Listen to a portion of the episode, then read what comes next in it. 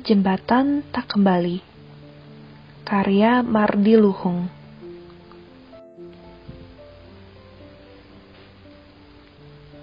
Aku akan bercerita pada kalian. Bercerita tentang sebuah jembatan. Namanya adalah Jembatan Tak Kembali. Mengapa diberi nama demikian? Karena setiap yang menyeberang di jembatan itu tak akan kembali disergap oleh batas yang ada di seberang sana. Seberang yang berkabut dan berisi kesempurnaan. Dan sebagai jembatan, maka jembatan tak kembali adalah jembatan yang begitu indah. Kerangkanya berwarna merah, punggungnya kuning keemasan. Sedangkan pagar pembatas samping kiri kanannya seakan-akan selalu berputar pelan seperti berputarnya jarum jam yang bunyinya begitu halus. Dek, dek, dek, sur. Tapi, meski tak kembali, selalu saja hampir tiap saat ada yang menyeberangi jembatan itu. Dan si penyeberangnya berasal dari sekian kalangan yang berbeda. Baik berbeda umur, status, atau kepandaian. Dan rata-rata, mereka selalu menampakkan wajah yang ceria, penuh harap, dan gelora. Bahkan, jika kalian saksikan, selalu saja ada di antara mereka yang menyeberang itu bernyanyi. Terutama, bernyanyi tentang apa-apa yang membuat semua nafsu buruk memadam berganti dengan seribu gentam mungil yang melayang-layang. Gentam mungil yang berdenting, seperti denting sebaris mantra. Mantra tentang sorga yang dicinta. Sorga yang ketemu lagi.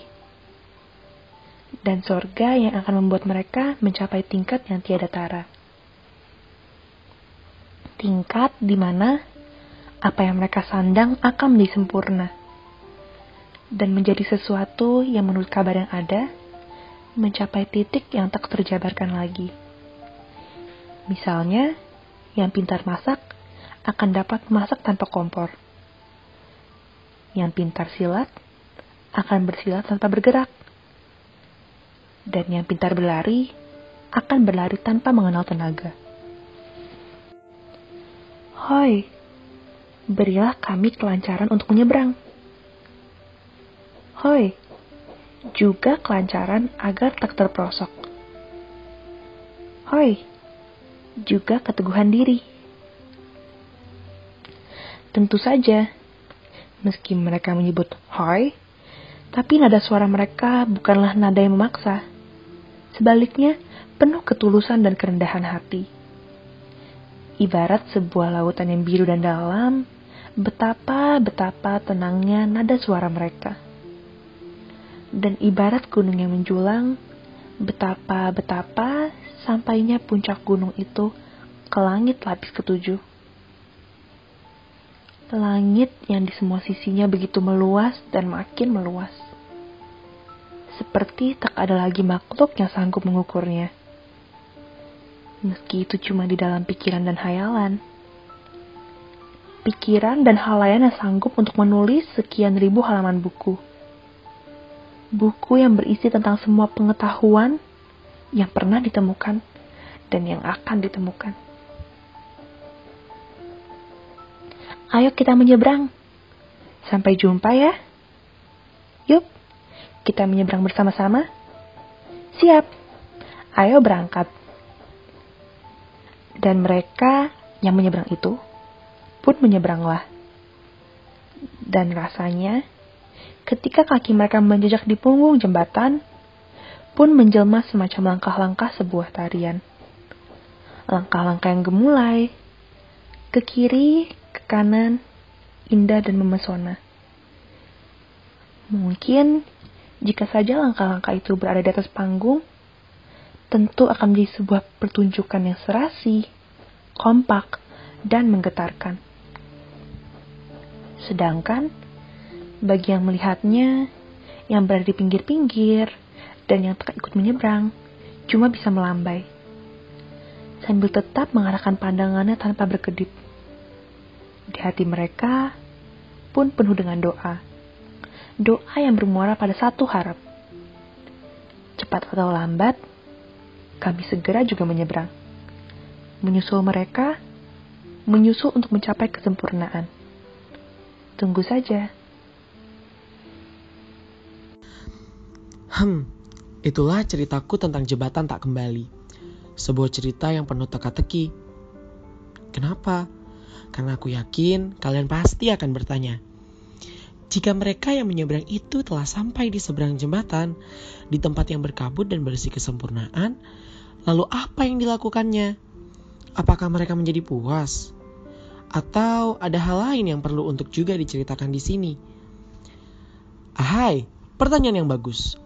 Pertanyaan yang memang aku nanti dan jujur saja, ternyata ketika telah sampai di seberang dan memperoleh kesempurnaan yang diharapkannya itu, mereka memang menjadi lain. Apa yang mereka sandang telah mencapai pada titik yang tiada tara. Tak terjabarkan. Semuanya hanya tinggal dipinta dan diucapkan. Langsung tersedia dan langsung bisa untuk direngkuh. Aku ingin berlari ke bukit, maka sampailah mereka ke bukit. Atau aku ingin merasakan masakan paling nikmat, pun langsung tersedia. Dan itu membuat mereka bahagia dan membuat mereka untuk terus-terusan mengucapkan ini itu yang beragam.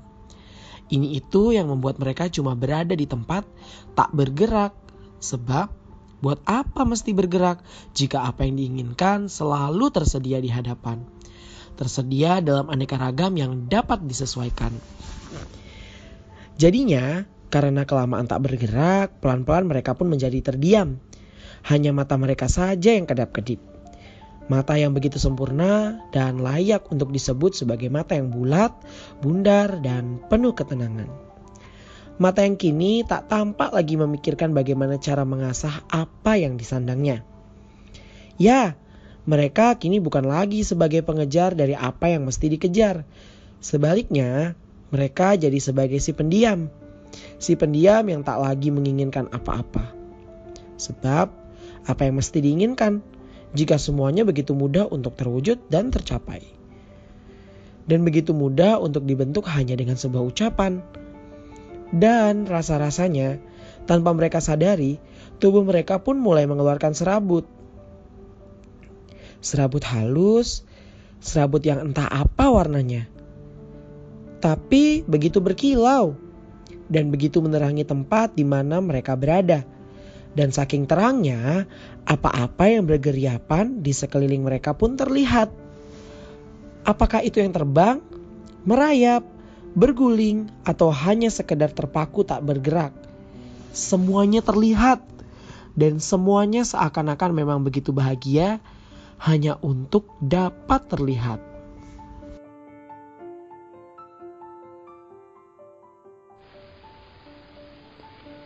Ah, aku tak jadi menyeberang deh.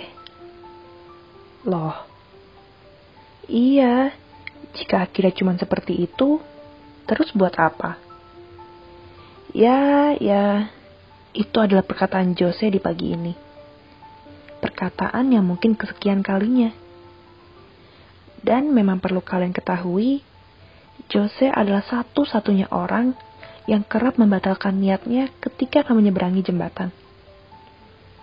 Padahal, jika boleh aku bercita pada kalian, semua yang ada di diri Jose sudah mumpuni dan layak untuk mencapai kesempurnaan.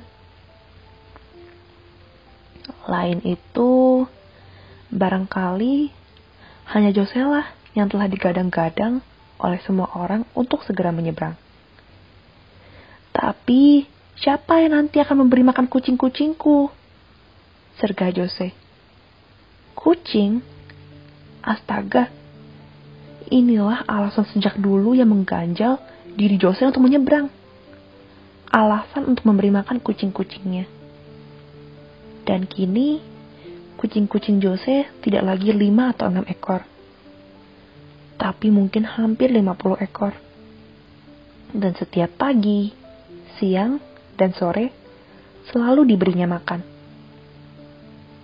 Kucing-kucingku butuh makanan yang layak. Begitu tambah Jose. Sebab kucing-kucingku itu hampir tiap malam mengejari tikus-tikus. Tikus-tikus yang gemar merusak setiap apa yang ada di kampung. Dan kalian tahu juga kan, tikus-tikus yang merusak itu kini semakin banyak. Gemuk-gemuk dan ngaur-ngaur. Bahkan saking ngawurnya, di siang bolong pun berani merusak juga. Seperti sudah tak ada lagi yang ditakuti. Terus, kapan kau akan jadi sempurna? Tanya seseorang.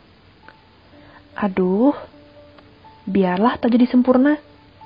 Asalkan kucing-kucingku masih dapat aku urus. Dan seperti yang sudah-sudah, Jose pun kembali meninggalkan pinggiran jembatan tak kembali. Semua orang memandangnya. Semua orang melongo. Dan seperti pendekar dari dunia anta berantah, kucing-kucingnya pun mengintil. Kucing-kucing yang lucu, kucing-kucing yang tangkas, dan kucing-kucing yang membuat orang yang melihatnya jadi gemas. Bagaimana tidak gemas? Kucing-kucing itulah yang kerap mengganggu mereka ketika sedang makan atau sedang enak-enak tidur. Sebab tingkah laku dan suara ngeongnya demikian keras dan memekak. Apalagi jika sudah memasuki musim kawin. Kampung pun seakan-akan berubah menjadi panggung simfoni ribut. Simfoni yang sering membuat genting-genting bergeser Jose, Jose. Ya, itulah nama orang yang tak mau menyeberangi jembatan tak kembali. Jembatan untuk memperoleh kesempurnaan. Hanya karena tak mau meninggalkan kucing-kucingnya.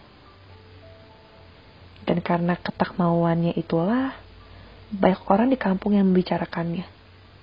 Ada yang bangga, ada yang cuek, dan ada pula yang diam-diam menyebut Jose sebagai si aneh si aneh yang lebih suka memberi makan kucing-kucingnya daripada mengejar kesempurnaan hidupnya.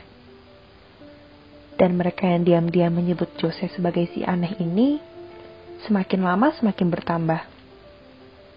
Dan siasat pun mulai mereka gariskan. Yaitu bagaimana caranya agar kucing-kucing Jose dapat berkurang. Mulailah mereka mencuri kucing-kucing Jose. Yang kuning, yang coklat, yang hitam, yang putih. Dan yang kelabu pun dicurinya. Dimasukkan ke dalam karung dan dibuang keluar kampung. Sampai akhirnya kucing-kucing Jose habis. Dan Jose pun kelimpungan. Dan Jose pun menjadi sedih. Setiap waktu, setiap saat, kerjanya cuma mencari kucing-kucing yang hilang. Dan di antara rasa sedih dan mencari inilah, mereka yang telah mencuri kucing-kucing itu berkata kepada Jose, Jose, percayalah, kucing-kucingmu itu telah menyeberangi jembatan tak kembali, menyeberangi secara diam-diam. Tapi anehnya, Sejak perkataan ini terlontar, sejak itu pula sosok jembatan tak kembali pun jadi menghilang. Tak berjejak, seperti ditelan kegaiban. Dan tikus-tikus yang kini tak lagi punya penghalang itu pun segera merajalela di kampung. Gresik 2011